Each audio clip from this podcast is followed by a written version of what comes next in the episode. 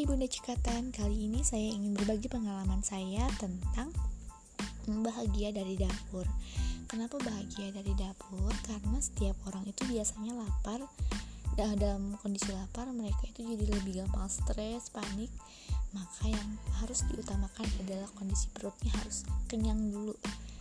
Makanya saya memilih untuk manajemen dapur ini sebagai menu uh, sebagai potluck pertama saya dan di manajemen dapur ini saya mendapatkan referensi yang pertama dari uh, kuliah WhatsApp dengan Mbak Krisdiana kemudian dari Dokter Tiwi di Instagramnya dan buku MPASI dari sana saya menyimpulkan bahwa ada manajemen dapur atau makanan yaitu yang bernama food preparation dan un untuk preparation ini yang harus saya lakukan pertama kali adalah manajemen waktu saya terutama dalam hal memasak. Saya menggunakan teknik Pomodoro yaitu 30 menit memasak.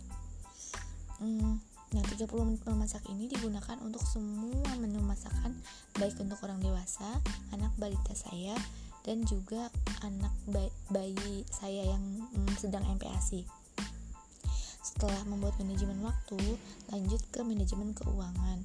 Di sini saya mencari tahu uh, sesuai dengan kondisi keuangan saya, terutama dalam hal bahan-bahan makanan. Uh, kemudian yang ketiga, barulah masuk ke food preparation. Di food preparation ini kita sesuaikan nih antara MPASI dan juga uh, menu orang dewasa dan anak-anak.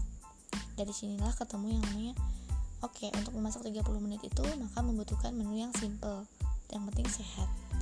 Dan MP, menu MPASI dan menu orang yang dewasa disamakan. Kemudian di hari Sabtu atau Minggu saya membuat bahan dasar. Uh, sehingga saya tidak perlu lagi mencacah atau membuat eh, bumbu-bumbu lagi sehingga mempersingkat waktu memasak saya. Hmm, intinya sih uh, food preparation antara orang dewasa dan juga MPASI bayi juga sama aja sih. Tidak mengada-ada tidak mengada-adakan yang tidak ada di rumah. Intinya hmm, kalau keluarga itu mengkonsumsi bahan-bahanan seperti nasi apa beras putih kemudian tidak ada bahan organik atau yang seperti instagramable gitu ya itu ya udah nggak apa-apa. Yang penting gizi tercukupi halal toiba gitu nggak harus semuanya itu perfect atau organik. Hmm, itu menurut dokter Tiwi seperti itu. Jadi intinya yang penting kita bahagia di dapur dan memberikan makanan yang bergizi untuk keluarga kita. Terima kasih